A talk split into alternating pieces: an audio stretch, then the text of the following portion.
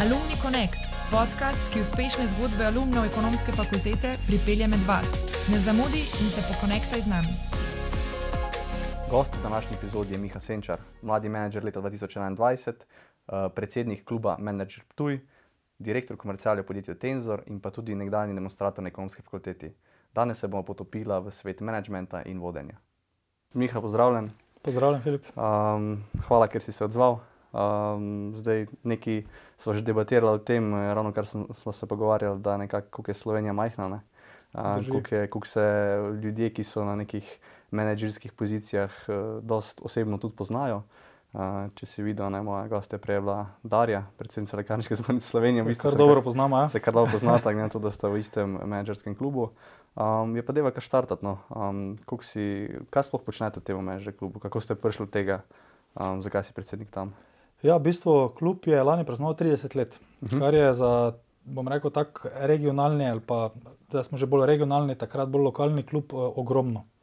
Eh, Namreč večina teh malih klubov je enostavno je prenehala z delovanjem. Uh -huh. Razlog je predvsem tu bil v generacijah, niso se generacije menjale. No in to je bil tudi razlog takrat, pred, zdaj bo tretje leto teče mojega mandata, še eno leto imam po statutu, potem pa predajam. Eh, je bil razlog glavno to, da menjamo generacije. Namreč, če se mlajša generacija uh, ne najde s takim klubom, potem v bistvu v enem trenutku to propade. Uh -huh. uh, in to je bil tisti glavni cilj. Uh, jaz sem že bil član, videli so, da sem zagnan, da imam neke ideje. So rekli, gledaj, če imaš ideje, izvoli, ne, pa, jih, pa jih uresniči. in tako se je v bistvu začelo. Uh, bil sem izvoljen na volitvah, to je bilo ravno pred začetkom korone. Tako da tri četrt leta tistega 2020 nam je šlo takrat eh, mimo, ampak smo pa pol zelo zagrabili. Eh, S čim se ukvarjamo? Ja, prvo je to, kar si že samo omenil. V bistvu, da se vodje, podjetniki, podjetnice, menedžerke, menedžeri družimo eh, in izmenjamo izkušnje. Če, jaz vedno pravim, če imaš tam takrat odprte oči, pa velika ošesa, marsikaj lahko se naučiš, mogoče ti kakšna odločitev je lažja. Potem drugo je, smo seveda tudi družbeno odgovorni, kadarkoli je možno, sodelujemo v vseh teh akcijah, ki se tiče lokalnega okolja. Eh, Potem imamo izobraževanja za naše člane, predvsem iz vidika menedžmenta, pa psihologije, ali pa tudi prodaje, no pa marketinga. Eh, Kar smo pa zaštartali lani, pa je zelo velika stvar in sicer je pa stvar problema bega možganov.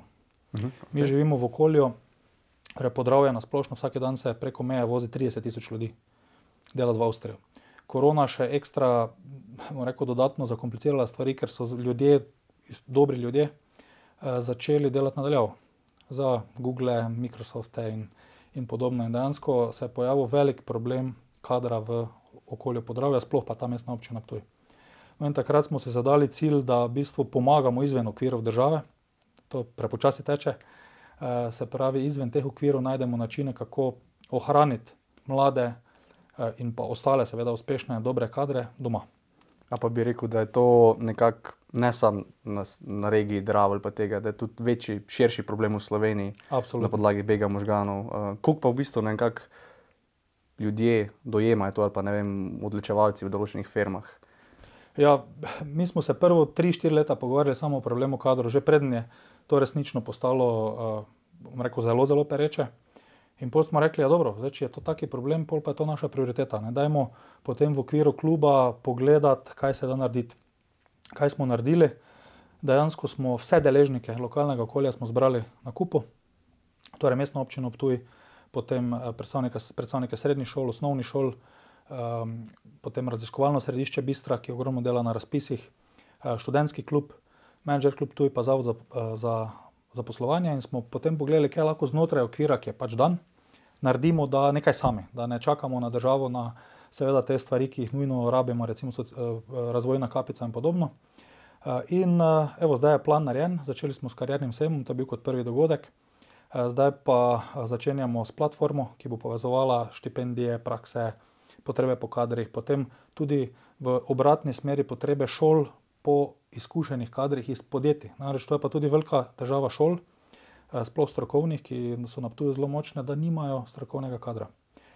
Eh, Zdaj, če uspe ta model, bom rekel, na Ptuju, ne, eh, potem je definitivno zanimivo pogledati, če se da takšen model razširiti tudi na državo, ker tu smo zelo neaktivni. Uh, Avstrijci hodijo z avtobusi na fakultete v Maribor, na srednje šole v Maribor in vozijo študente in dijake na svoje karierne seme.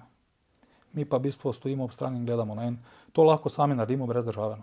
Pa kaj bi rekel v bistvu, da je nekako težava tukaj, da, zakaj toliko mladih gre v tujino? A zdaj tukaj, ker smo mi na tem segmentu malo zaspali, pa v bistvu ne probamo bolj vključujoče upeljati, se pravi, mlade, ne vem, ali nadobudnežne, ali je tukaj problem, ker pač so mogoče plače toliko slabše v Sloveniji, pa so bolj mikavne v, v tujini za nekako isto delo, za take zadeve. Jaz mislim, da oboje. Uh, če začnemo pri, pri plači, plača je higienik. Se pravi, če ni, do, če ni dovolj visoka, pa tudi če je malo nižja, ne, uh, potem nimaš kaj, kaj dosti delati. Se pravi, to je osnova, s plačo vsak preživi, zato seveda moramo prvo pogledati sebe, uh, podjetja morajo pogledati k sebi in enostavno si priznati, da brez boljših plač, podravje je zelo nizka poprečna plača, uh, bojo pač ljudje še naprej odhajali. Se pravi, treba reči, ok, moj kratkoročni dobiček bo manjši, zato da lahko dolgoročno potem seveda boljše delo. To definitivno je, bom rekel, tudi na strani podjetij. Eh, Potem pa ja, zaspali smo vsi, v bistvu, in država, in lokalno okolje, in podjetja, in nismo zaznali dosti večje aktivnosti, bom rekel, Avstrije v tem primeru, recimo, ali pa tujih zaposlovalcev. In to je spet na nas. No. Moramo vsi prvo pri sebi, potem pa seveda jaz upam, da bo država tudi, tudi sledila. Ne. Ni pa zato samo plača, pa niso to samo podjetja. Zakaj recimo smo mi vključili mestno občino Ptuj? Ne moreš pričakovati, da bo podjetja imela dovolj kadra, če niso same občine, tudi kraji, kjer ljudje živijo, dovolj privlačni, da seveda, ne vem, se mlada družina recimo preseli. Ali pa če gre nek študent iz našega okolja študirati v Ljubljano, torej kako boš ga pridobil Nazaj. nazaj. nazaj Eh, Zelo kompleksna zadeva, no, rek, mi smo razdelili nekaj korake in smo rekli, nič, gremo korak po korak, pa bomo videli pol efekte. Sam tudi po mojem je tukaj malo povezave z temi trendi, ki se pač, ne, danes vemo, da ima social media velik vpliv na sploh našo Drži. mlado generacijo, ne, in potem je dost mikavne so te remote work pa, pa zadeve, kjer ni treba neke se daleč peljati fizično, na neko fizično lokacijo, ne, ker je v bistvu v Sloveniji dost nek tak ne glih trend, ampak neka nuja, ne, ker vemo, da vsak dan je, so velike migracije med Mariborom, Ljubljano, Koprom, Ljubljano. ne, in- Začutim to vsak dan na avtocesti. Ja. In, in je kar problem mogoče za mlade, da nekako preživljaš ta čas v avtomobilu in zjutraj in popoldan. V bistvu tu pa je na nas spet eh, podjetnikih. Torej, prvo je, da absolutno vsi se morajo zavedati, da hibridno neko delo mora obstajati, ne? Eh, če le gre. Eh, Potem, potem pa spet pokazati realnost. Se pravi, mogoče pa, da si cel čas doma ni tako fajn. In eh, dejansko treba poslušati tudi zgodbe tistih, ki so že to dali skozi, tudi tisti, ki so šli v tujino, recimo fizično. Eh, In te zgodbe, ogromno je povratnikov namreč. No. Ogromno je tudi tistih, ki delajo non-stop uh, remote, pa se pa odločijo, ok, to ni za mene. Ne, se pravi, take zgodbe treba povedati, da lahko nekdo realno oceni iz, od nekoga iz izkušenj, v bistvu, kaj je lahko boljše. No. Ja, jaz upam, da bo ta model, ko ga razvijate, tudi aplikativen še za vse druge kraje v Sloveniji in da bo nekako obrodil neke sadove. Se bomo potrudili, evo, če bojo dobri rezultati, bomo definitivno predstavili tudi Zdaj ostale. pa, če bi se malo odmaknila sploh Ja. od menedžera kluba, ne, v bistvu me pa zanima, zdaj sam praviš, da si iztujen. Ja. Zakaj si prišel na ekonomsko fakulteto v Ljubljani? Kaj je bila tisti, tista iskrica, zakaj si izbral to fakulteto za svoj študij? V bistvu uh, zelo pomembno se mi zdi, no, tudi za apeliram na vso mlado generacijo, ki bo razmišljala, če bo kdo to gledal uh, o študiju, da se v tem trenutku, ko študiraš, odcepiš od varnega okolja družine, vsaj malo. No. Uh, to je, mislim, da zelo pomembno. In če pač za nas, ki živimo izven, izven Ljubljane, izven teh krajev, uh, se pravi, da greš čim dlje, zato nisem šel v Maribor. No, ni zdaj bilo nič druga, tudi pred mano so bili ne vem, bratranec recimo tu študiral, ogromno ljudi sem poznal, ki je tu študiralo in sem videl, da je zelo kvalitetni študij. E, tako da to je bil praktično edini razlog. V bistvu malo odcepiti in zaživeti po Se pravi, da gremo svoje. z neke cone obdobja, Tako, ne, tako, že čisto tako. nekem začetku. Tako je. Um, kakšen pa ti je bil študij na ekonomski fakulteti? Kaj si od njega v bistvu nekako dobil? Kaj bi rekel, da si nekako razvil neke kompetence, ki ti mogoče pa zdaj koristijo, ali pa so ti, ti bodo koristile še naprej v da- nadaljem življenju, poslovni poti? Ja, študij moram reči, da je bil, jaz sem zelo zadovoljen. No. Um, imel sem malo težave z razumevanjem, zakaj rabimo tisto hudo matematiko, pa, pa te zadeve v prvem in drugem letniku, ampak uh, dejansko je bilo tako, da pri 18 letih je meni oče podaril delež družinske firme. Okej. In dejansko takrat sem se jaz odločil, ok, to bo moja pot, definitivno. Jaz sem odraščal s to firmo in rastjo firme in itek čutiš v bistvu to že v srcu. No in potem, kar mi je pomagalo, je, da sem zelo selektivno tudi vedel, s tokom študija, v bistvu skozi pogovore z očetom, doma v družini, kaj je tisto, kar je najbolj pomembno, da se res, res naučim. Uh, tako da sem dejansko cel študij uh, res dostojno potegnil. Zato, ker sem poskušal cel čas že razmišljati o praksi, pa kaj praktično. Kaj pa so bile tiste, tiste nasveti, ki je res posvetiti pozornost? Na... Recimo od predmetov, če tako rečem, ne, se pravi poslovno okolje. Recimo, mi smo uh, mednarodno podjetje že takrat bili. To je bilo absolutno zanimivo. Uh, ogromno sem se tam naučil, že osnovne, že sama terminologija, se pravi, kaj sploh, kako se pogovarjaš, itd. Ne.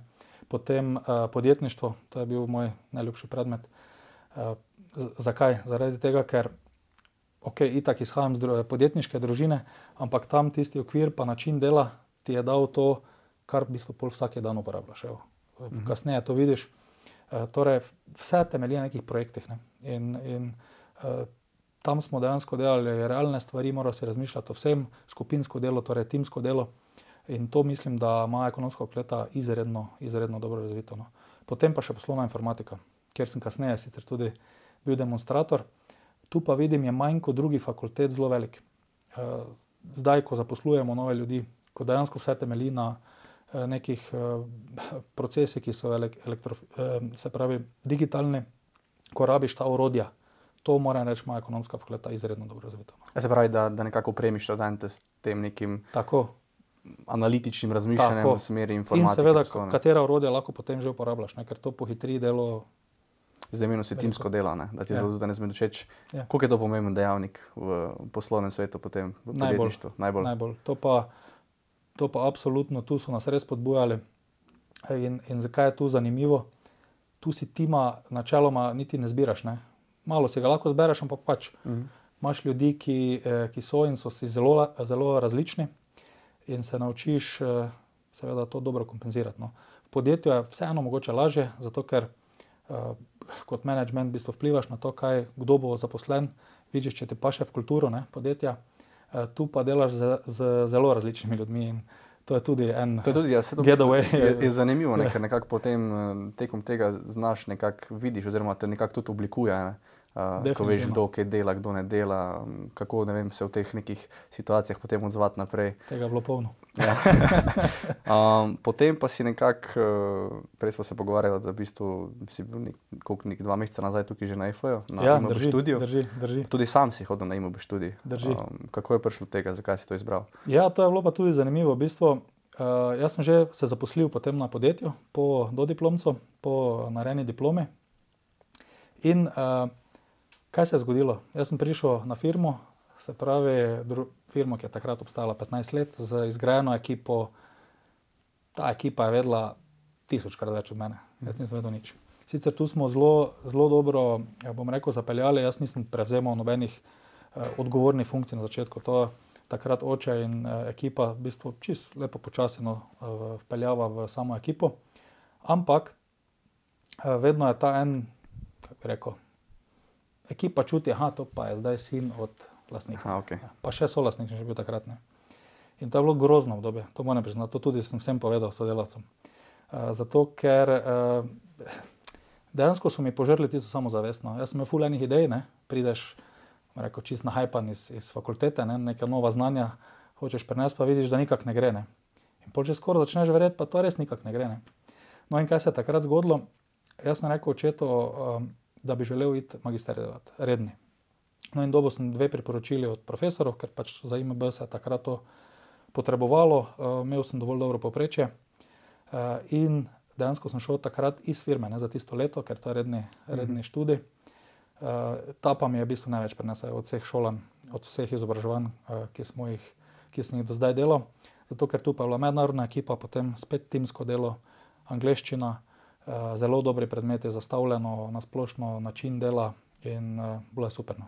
Kaj bi bilo pol nazaj, ko si se vrnil po tem letu v podjetje? Potem sem bil veliko bolj samozavesten, v tem letu sem tudi lahko sam pri sebi razčistil, v bistvu, kaj znam uh, in pol, uh, pol sem strajal pri nekih stvarih. No. Zdaj si rekel, da na začetku nisi prevzel neke vodstvene pozicije. Ne? Kdaj pa je po tvojem mnenju pravi trenutek, da nek mlad oziroma prevzame neko pobudo, neko vodstveno pozicijo, pa ne zdaj recimo top management, lahko ne vem, na začetku, da vodi neko ekipo, a da vodi potem malo večji oddelek. Kdaj je to primerno? To je zelo težko vprašanje. Zelo težko odgovoriti. Bom rekel, od situacije do situacije je različno. No. Odvisno tudi, kako je nastavljen sam sistem v podjetju, je kakšen mentorski sistem, karkoli. Uh, bi pa položil na srce, definitivno treba biti potrpežljiv. Ne zdaj mogoče deset let potrpežljiv, no, ampak če verjameš svoje sposobnosti, definitivno bo se slejko prej prišlo do tega v dobri firmi, da bo prepoznali to, ampak treba to neko potrpežljivost. Uh, jaz mislim, da to ni povezano niti z leti. No. Uh, voditi ekipo, nek projekt, lahko v bistvu greš že znanjem iz fakultete. Ni to problem. Samo da imaš poštimano uh -huh. uh, v, v glavi v bistvu ta proces projektnega dela. Ne. Potem resnejše pozicije, to pa kaže enostavno čas, pa izkušnja. No.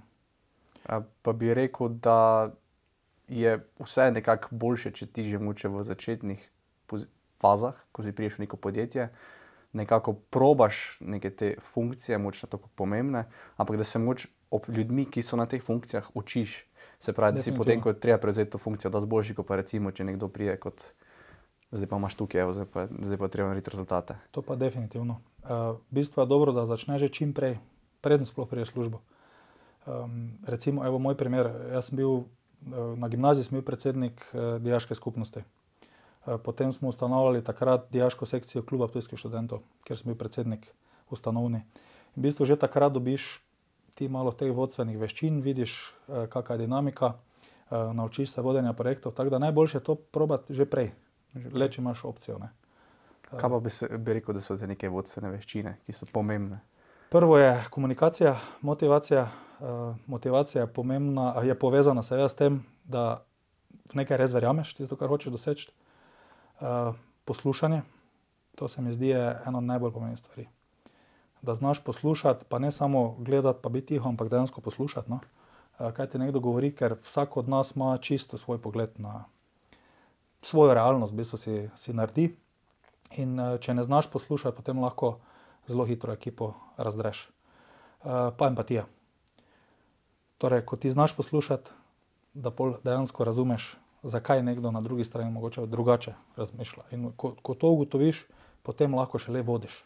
Potem še le lahko rečeš, da ok, on razmišlja ali pa ona drugače, zaradi tega zdaj razumem, zakaj. Pa poskušaš potem najti pot. Da... Kako pa premagati recimo strah ali pa si izbildati samozavest v tem, da danes smo vsi danes nekako svet lav o tem, da pač moraš biti neke najboljše rezultate. Nagnjeni smo k temu, da boljši, boljši, boljši. Ne? Vemo drži. pa, da v podjetništvu se veliko naučiš, ko nekaj narediš narobe. Ne? Drži, um, drži. Ja. Kako premagati nek tak strah, v bistvu, da te ni, te ni strah narediti napake, pa se potem z nekaj ne naučiti. Je prvo, moraš imeti srečo, da delaš v okolju, kjer so napake dovoljene. To, to je prvo, zdaj, se pravi, če delaš v nekem podjetju. Eh, napake so normalne. Eh, tempo je tako hud dan danes, da slejko prej pride do neke napake. Perfekcije pa ne moreš iskati, ker drugače si pa prepozen. Eh, to recimo je tu bil en, ena taka stvar, ki smo se naučili na IMB-ju. Mhm. Mi smo dobili projekt, ne vem, v ponedeljek, v petek smo imeli predstavitev na podjetju, malo karikiram. Ne. Poanta ta se prenaša pol seveda naprej tudi. Ni časa za čisto perfekcijo, zato ker te drugi povozijo. Uh, Tako da to si moraš dati v glavo. Ok, ni nujno, da je perfekt, mora biti minimum viable, evo, da mhm. uspešne. Um, je pa to čista samo sugestija na koncu. Pravi, prvo je okolje, ki reče, ok, gledaj, vemo, da do napak bo prišlo, bomo to probali pol skupaj rešiti. Uh, potem pa drugo pa je, da sam sebe v bistvu prepričaš, če je treba pred ogledalom zjutraj. A pa bi rekel, da kuk ti gledaš okolje v Sloveniji, podjetje v Sloveniji, zdaj mi imamo zdaj so trendi, neki moderni pristopi vodenja, neke moderne te eh, oblike, strukture podjetja. A bi rekel, da smo v Sloveniji v trendu s tem, da podjetja razumejo, eh, kako nekako bi se ne ravnalo z, z človeškim kapitalom oziroma s kadri. In pa če razumejo, zdaj daskrat se govori tukaj, se pravi Gen Z, da se, jih, da se jih podjetja bojijo, da, da vodje, direktori ne vidijo nekega mogoče takšnega smisla, kot so videli pri prejšnjih generacijah. Kako je Slovenija dozetna tukaj, kje smo? Jaz mislim, da se je ogromno spremenilo na boljše. Uh, ogromno je tudi možnosti, kjer lahko rekel, dobiš zunanjo pomoč pri uveljavljanju teh novih pristopov. Odvisna tudi zelo od industrij. V IT industriji, seveda, mogoče je to lažje. V firmah, v podjetjih, kjer je zelo podobna struktura ljudi, je to lažje. Težje je recimo na podjetjih, kjer imaš ti na eni strani vem, inženirje, programere, pol na drugi strani imaš neke monterske ekipe, proizvodnjo. Ne. Je že težje, bom rekel, uveljavljati vse te uh, nove pristope, ki odgovarjajo generaciji Z. Z generacijo Z se ogromno ukvarjamo, to moram priznati. Uh, v vašem podjetju? In, in pri nas, in tudi menedžer kljub tu. Uh -huh. Smo imeli par, prav predavanja na to temo, ker smo že bili malo uh, zafrustrirani. Zakaj? Zakaj? Ja, nismo razumeli. Aha, okay. Nismo razumeli in pol dejansko, prvo smo imeli eno predavanje, uh, dr. Maja Fezel Kamenik, prav na to temo, torej, kaj je v bistvu pomembno generacije, z kakšnim vključevati. Kaj smo se naučili? Naučili smo se, da enostavno svet se spremenja, tako kot mi svoje cilje v podjetjih spremenjamo, ekipe spremenjamo, pač bomo morali spremeniti tudi pristop, uh, da bo generacija zdaj videla nek smisel v naših podjetjih. Uh, kaj je recimo meni nepomljivo uh, pri generaciji Z, da ta neka fama obstaja, da moraš službo menjati na koliko? Na štiri leta, tri, ja. še prej. Zakaj? Ne, če delaš recimo ti v firmi, ki se toliko transformira, da je vsaka dve leti ali pa celo vsako leto nek nov izziv. Ne. Zakaj bi pol menil? Ja, se tukaj se lahko navežem na tisto, kar sem prej rekel, ja. da se konstantno želi neko, neko rast, nekaj novega ne, in mogoče v, v nekaterih podjetjih je na začetku nekaj novega ne, in pol v bistvu je naša generacija zdaj tako nagnjena k nekim novostim, da pač nek del pa malo stagnira, ne, v bistvu, in ti mestraš te, kar si se naučil, ampak nismo pripravljeni čakati. In muče to razlog, zakaj v bistvu. No, vse to pa je tudi, tudi na podjetjih. Ne, je povezano zelo uh, veliko za, z ambicioznostjo in pa z, z ambicioznimi plani. Jaz vedno pravim, če ti ne rasteš, raste nekdo drugi. Zdaj, v tem primeru recimo, je to točno, uh, bom rekel, uh, povezano. Firme morajo rasti, zato ker drugače bojo konkurenti zrasli in te bojo pojedli, ne? ali pa boš postal nezanimiv, vse ne samo za generacijo Z, tudi za top kadre, ki so starejše generacije, postaneš nezanimiv, če rasteš. Tako da to se da rešiti. Evo, Pol so pa tu stvari, um, ki so nam jih povedali v generaciji Z, ki pa, kar, ki pa je dosti teže, bom rekel. No, eh, Vpeljati eh, v vsa poslovanja, recimo eno je ta remote work, ne, nekje enostavno ne gre. Recimo, ne. Uh, potem uh, rekli so nam, da je trenutno ima 15 sekund fokusa, ne vem, ti si že generacija Z? Ja, naj bi bil. Imáš več kot 15 sekund. Verjetno, mislim, mislim, da imam. No. dobro. Upam. no, tako so nam razložili, v bistvu, da ti rilci na YouTubu mm. in TikToku so ravno namenjeni, ne, zato ker ni dosti, ni dosti fokusa. No. Uh, mislim, da okay, firme se morajo spremeniti, morate pa tudi vi razumeti, uh, da tudi vi morate malo popustiti. Ne. In mislim, da če vsaki vsi, vsi stopimo dva koraka nazaj. Ja, ta neka sinergija se ja, mora nekako. Vse to je vedno tako. No. Sam, eh, kaj, bi pa, kaj bi pa rekel, glede na to, da kdaj pa prepoznate, recimo, da pa ne rasteš več. Okay. Če smo zdaj govorili o tem roku štirih letih, ne, zdaj, da se zamenjava. Zdaj, kako jaz vem, da zdaj, ok, moče eno leto je full dobro, jaz full rastem, posebej pa nekako to staje. Kako jaz to prepoznam, da nisem zdaj prehiter, vrgo puške koruzo pa šel. Okay. Ampak da ostanem, pa vidim, da imam, recimo, jaz pa lahko čez vem, deset let, pa dosežem to, to, to. to tu je pa prvo pogovor. Se pravi, če pride oseba do te točke v nekem podjetju, pa si želi rasti, ker nekateri pač so zadovoljni z statusom quo potem pač moraš priti do svojega nadrejenega, nadrejeni mora biti uh, toliko odprt, seveda, da to odprto posluša, zdaj je to na letnem razgovoru ali je to čist v neko neformalni pogovor. In takrat pa moraš biti zelo odkritno kot uh, vodja. Se pravi, reči, ok, gled, razumem te, ti bi rače rasto, daj da razmislim, mislim, da je opcija, ali pa mislim, da opcija ni. Ne vem, zaradi tega, ker pač to ni naš plan, zato ker mislim, da nisi ok, za to pozicijo, da bi rastel in pač to je to, čisti pogovor. No. In takrat je kaj pametno, v bistvu, da zapustiš firmo in se pač. Ja, če, ti, če hočeš rast, pa ti nekdo v tistem trenutku reče, gledaj, pri nas te opcije ni, potem pač menjaš, to druge ni. Če pa uh, obstaja nek karjerni plan, ki seveda potem obe strani ga spremljata, potem pa treba vztrajati. Zato ker uh, recimo osebno pri nas, no, v podjetju Tenzor, mi izredno cenimo, da ljudi, ljudje dolgo ostajajo z nami. Zakaj? Ogromno znanja se nakopiči. Nekatera znanja je ne mogoče v kratkoročno, bom rekel, prevzeti od nekoga. E, Tako da se ekstra, ekstra potrudimo in da so izzivi, in da se imamo fajn, in da je seveda plačilo dobro in vse, kar Vse to sem, ko sem gledal na vaši spletni strani, pač imate nek tenzorijanec leta. Ne? Tudi To ja, je bistvu drugim, nekako ja. ta neka motivacijska stimulacija za zaposlene, ki tudi doprimore k temu, verjetno, da, da ostanejo v podjetju, ne? da vidijo neko, nek benefit, da ostanejo, da rastejo, da se razvijajo. In pa seveda pripomorejo k skupnosti, ne? da pač podjetje raste. Definitivno. Eh, Zdaj, prvo je to, kar sem že na začetku omenil, je higienik plača. Torej, mi imamo nadpopre, nadpoprečne plače uh, in za regijo, in za našo branžo.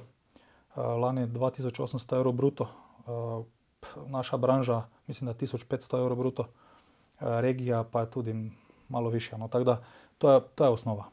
Mi smo rekli že pred dolgo časa nazaj, torej mi smo družinsko podjetje, želimo ga predajati skozi generacije, kar dolgoročni cilji presekajo kratkoročne. Mhm. Torej, tudi zdaj bi se lahko odločili, pa bi rekli, ok, naslednje leto bomo naredili pa 50% več dobička, pa bi ga. Samo na račun tega, da pač potem ne bi več ljudi imeli. Ne. Se pravi, to je prvo. Uh, Tenzoranec leta pri nas je nagrada, ki podelimo osebi ali pa ekipi, tudi ekipam smo že podelili, ki so presegla absolutno tisto leto normalo. Mhm. Namreč, dosti, dosti je takih stvari, kjer moraš iti prek sebe in to res cenimo, zato ker to je edini način, da in osebno rasteš, in da, da firma raste. Imamo pa še ogromno drugega. Eh, Športno-kulturno društvo Tenzor DO, eh, se pravi, vodijo ga zaposleni, damo donacijo in skozi celo leto organizirajo za nas piknike, izlete, eh, druženja, skupna praznovanja rojstnih dni in podobno, da smo čim bolj. Da je čim bolj to je pomembno, se pravi, Ja. nek dober duh, ne? Da, se, da se tako. ljudje tudi nekako povezujejo, ne samo kot neki profesionalni ravni, seveda mora biti zdaj ločeno, ne prijateljstvo, pa delo, ampak To si dobro rekel. da, tako da v bistvu nekako uh, se pozna tudi izven tega okolja, ne, da, da potem uh, gradijo neke te medsebojne odnose. Ja, važno je razumeti, da podjetje je ekipa ljudi, ki pač ima skupen cilj in uh, absolutno se razvijajo tudi prijateljstva in to je dobro, ampak vedno mora prevladati ekipa in tisti cilj na koncu. Ne. Uh, je pa dosti lažje, če se tudi izven okolja boljše spoznamo, uh, ker tudi boljše veš, kako z nekom delati. Tak, čist, ne, ko si v neki sproščeni vlogi, ko razumeš bolj človeka, potem je lažje voditi. Ja, pa tudi moč nimaš toliko pol uh, v podjetju več nekega straha, nekoga nekaj vprašati, ker veš, da Drži, moč ni tako baba v bistvu, drži. ker si imel občutek. Ne. Um, je zdaj pa peva naziv Mladi menedžer leta 2022. Kaj je to, kako priješ do tega, kaj to te posebno pomeni in pa Ja, to je bilo presenečenje, no. Vse, Mhm. vsekakor. Eh, V bistvu začne se tako, eh, Združenje menedžer vsako leto zbira mlada, mlado menedžerko oziroma menedžera in uh, začne se z nominacijo tiste strokovne komisije. Se pravi, strokovna komisija, ki tam deluje, pogleda uh, skozi poslovanje podjetij, mediji, v bistvu, kje se kakšna podjetja pojavljajo in identificirajo takrat deset potencijalnih kandidatk in kandidatov. En od teh sem bil takrat jaz. Uh, in potem se začne proces. Se pravi, prvo izpolniš en zelo obsežen vprašalnik, uh, kjer se v bistvu, ki se nanaša na trajnost, na način dela v podjetju, rezultate, uh, v bistvu potem tvoje razmišljanje, vrednote in podobno. In to je prvi krok. Se pravi, tisti, potem iz teh deset zberajo pet na osnovi teh vprašalnikov in odgovorov, potem pa so osebni intervjuji. Zdaj to se je dogajalo takrat v tistih norih časih, tako da žal ni bilo osebnih intervjujev, je bilo vse preko, preko Teamsa oziroma Zuma, kjer pa predvsem preverjajo, ali to drži, kar si tam napisal. Ker seveda ti lahko napišeš marsikaj. marsikaj. ja. marsikaj. Eh, Potem, potem izberejo od petih tri, ki grejo v finale, eh, ki izpolnijo še en ekstra vprašalnik, še bolj poglobljen, pa naredi se analiza klime na podjetju. Torej, po metodologiji, ki je standardna, se pošlje potem vsem zaposlenim in izpolnijo. Eh, Tako da ta del potem en del odloča komisija, en del pa so glasovi tisti, ki glasujejo. No. Eh, Tako da postopek je, bom rekel, zelo eh, zahteven. Jaz sem takrat rekel, ko sem dal to skozi, da v bistvu sem vse, kar sem želel, že dobil od tega. Aha, okay. V bistvu je bil pot je bila pomembna, no? izredno zaradi tega, ker ogromno stvari se vprašaš tudi, ko te vprašalnike rešuješ. Ogromno stvarem sem dal takrat ime sploh. Mi, kot družinsko podjetje, delamo zelo dobro, seveda, zaposlenimi, eh, se obnašamo trajnostno v ogromno vidikih eh, vseh treh faktorov, ampak v bistvu nisem niti vedel, da ima to ime. Tako da takrat rečeš, ok, se pravi, to je to, uh, to mi pomaga, tudi sam neko analizo narediš, nam pomaga kot ekipi in potem še mogoče daš kakšen večji podarek na vse skupaj. Zdaj, eh, osebno, kar mi pomeni, predvsem mi pomeni zato, ker je to velika nagrada za celo ekipo. Sam menedžer ni nič praktično. Je sicer kapetan, se pravi, balansira vse te eh, dražljaje, ampak ekipa je pa tista, ki na koncu dela za to, da se cilji dosežejo. No. Tako da največ mi je pomenilo, zato ker sem vedel, kaj to pomeni vsem v ekipi. Zato ker so vedeli, da dobiš neko zunanjo podritev, no pa rečejo, ok, evo, pa res smo mm. dobri. E, tako da čisto ono. Meni je bil pomen proces. Nagrada proces. sama osebno, zato ker sem v družinskem podjetju, ker se ne mislim gibati po korporacijah, uh, mi je samo ta proces pomenil. A pa Zdaj, si kdaj, kdaj probo delati v korporaciji? Ne. Ne, nikoli. Sem pa imel vedno fiksno delo, da bom enkrat. Ampak mislim, da ne bom.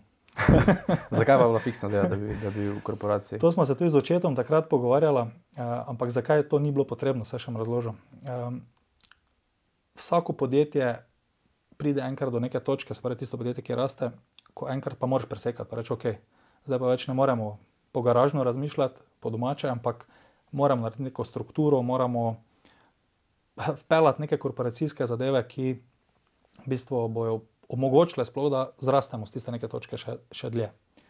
No, pri nas to ni bilo pol potrebno zaradi tega, ker ko sem jaz prišel z faksa, eh, sta oba ustanovitelja, Albert Done in oče Miren Senčar, zaposlila zunanjega direktora, ne lasnika.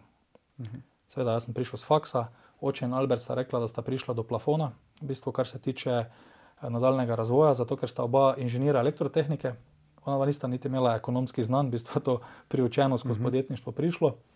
Eh, podjetje je takrat dobilo en zelo velik projekt in eh, dejansko sta ocenila, da rabita nekoga, ki bo takrat podjetje, ki je že bilo internacionalizirano, spravo v bolj, bolj proti korporacijskem. To ne pomeni, da smo korporacija danes, uh mhm. -huh.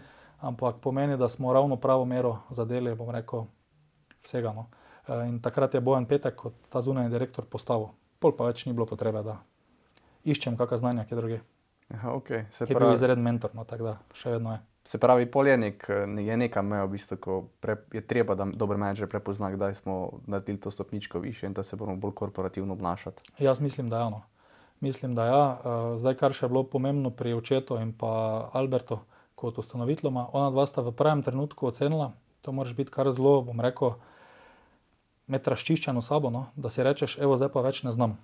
Zdaj pa mhm. jaz rabim nekoga, ker sam več ne znam, ki bo speljal v bistvu zadevo naprej, da bo še Sam to spet tukaj na slovensko podjetništvo, slovensko okolje.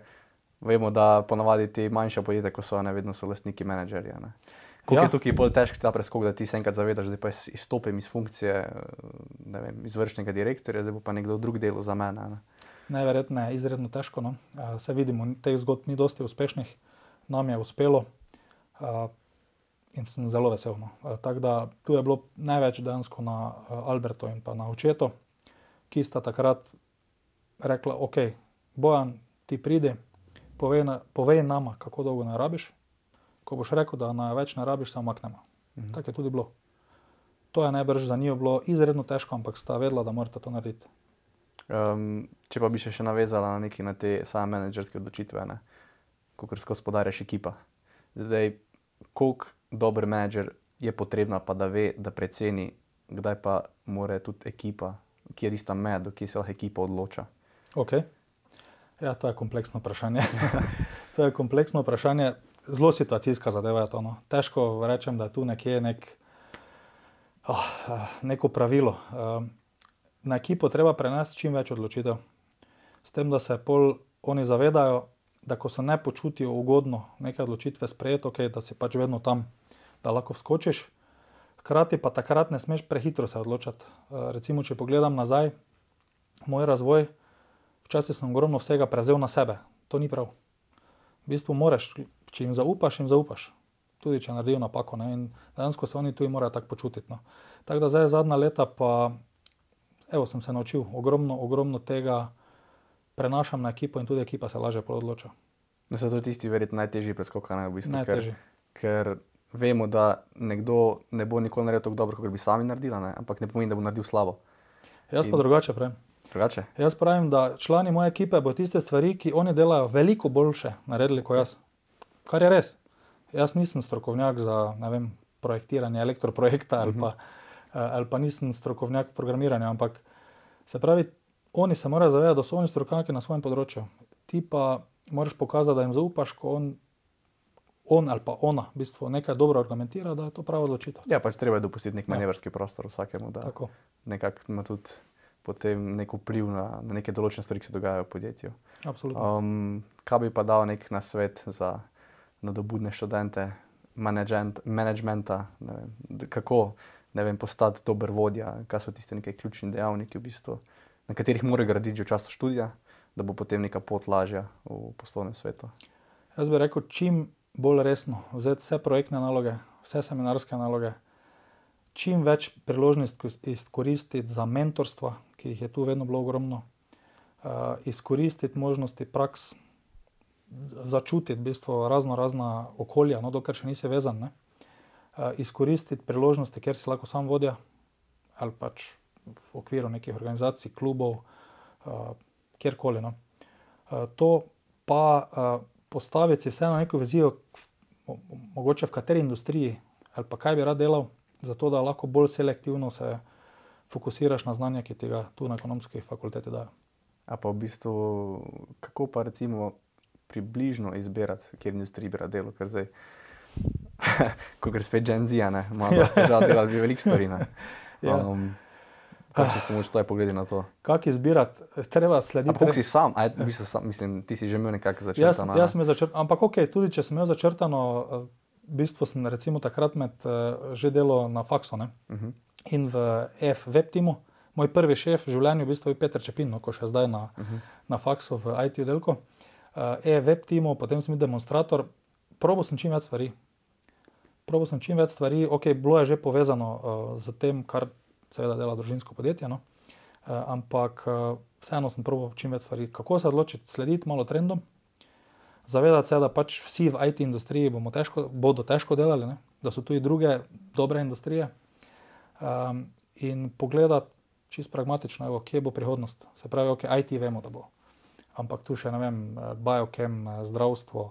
Uh, hecno je to, recimo, definitivno na tem področju, recimo tudi, ko mi delamo torej elektroinštalacije, sistemi uh, varovanja, pametne zgradbe, uh, IoT, tu, je, tu bo ogromno prihodnosti. Ne? Torej, to je to. Slediti trendom, se odločiti, pogledati, ok, seveda, če poznaš kako dobro podjetje v lokalnem kraju, to je tudi ena stvar. Ne? Tudi če mogoče ti v tistem trenutku industrija ni seksi ali karkoli. Ne? To je to. Kaj pa, če dalje večji podarek na mehkih veščinah, zdaj vemo, da trend naprej je, se pravi, umetna inteligenca. Uh, bomo mi človeški, kot človeški faktor, probali čim manj na nekih teh Dobre. operativnih zadev delati, kako pa tukaj treba graditi. Uh, Definitivno se je izobraževati v tej smeri. Mi tudi zdaj interno ogromno preizkušamo, poizkušamo, probamo pogledati, kje je v procesih, pa bi nam res lahko uh, umetna inteligenca pomagala. Mi tudi ogromno umetne inteligence prodajamo, uh, recimo pametna videoanalitika, prepoznava z nekih slik in podobno. Uh, kar se pa študentov tiče, pa ja, čim več izkoristiti, če so kakšna predavanja izven regularnega tega urnika, poslušati, pogledati, ne poslušati samo umetne inteligence, ampak poslušati o kako je bila uporabljena resnično v praksi. Ker dejansko ogromno vsega mogočega, ampak za umetno inteligenco treba najti biznis case, kjer, mm. kjer dejansko naredi razliko. No. Um, in bo, tu bo tudi recimo ogromno priložnosti za neko podjetništvo, neki start-up, start-up ekosistem prihodnosti. Tako da tisti študenti, ki so bolj usmerjeni v to, da bi bili sami podjetniki, torej da ne bi delali v nekih podjetjih, pa je to definitivno področje, kjer bom rekel, bo uh, potencial prihodnosti. Je pa tudi Gen Z ima potencial. Ja, da... Samo vsi ne boste podjetniki, najbrž ne. To pa verjetno. Jaz se ne more biti vsi podjetniki, ne, ker tudi nekdo mora še za nekoga vedno delati. Ne. Uh, ja, dejansko je tako. No. Uh, jaz vedno pravim, mi imamo na firmi vrhunske ljudi, resnično vrhunske strokovnjake. Če vsak od teh najboljših strokovnjakov bi lahko imel svoje podjetje, je čisto odkrito. Ampak tu je ena razlika. Se pravi, podjetništvo prinaša pa en del, ki pa odpada od tega strokovnega znanja, pa dela. To pa je ves stres in vse, kar se v bistvu dogaja v zadju, da sploh podjetje ima posel, da, je, da finance štimajo in podobno. Ne. In dejansko podjetja, se pravi podjetniki, tisti, ki se odločijo za svojo pot, morajo narediti tako okolje, da se največji strokovnjaki pri njih po, počutijo varno, enostavno. no. Da ne razmišljajo o tem, da bi začeli na svoje. Ja, to je v bistvu nekako vse povezano s tem, kar smo že danes To je to. nekako obravnavali. Ja, Miha, hvala ti v bistvu, ker si prišel, eh, povedal malo insightov, o, kako biti dober menedžer in pa vodja. Um, s tem pa zaključimo naj pogovor. Filip, hvala lepa, da si me povabil. Sem vedno rad pridem. Studio je odličen, pa Super. super, da ste se odločili, evo, ti oziroma management group, da delate te podcaste. Hvala.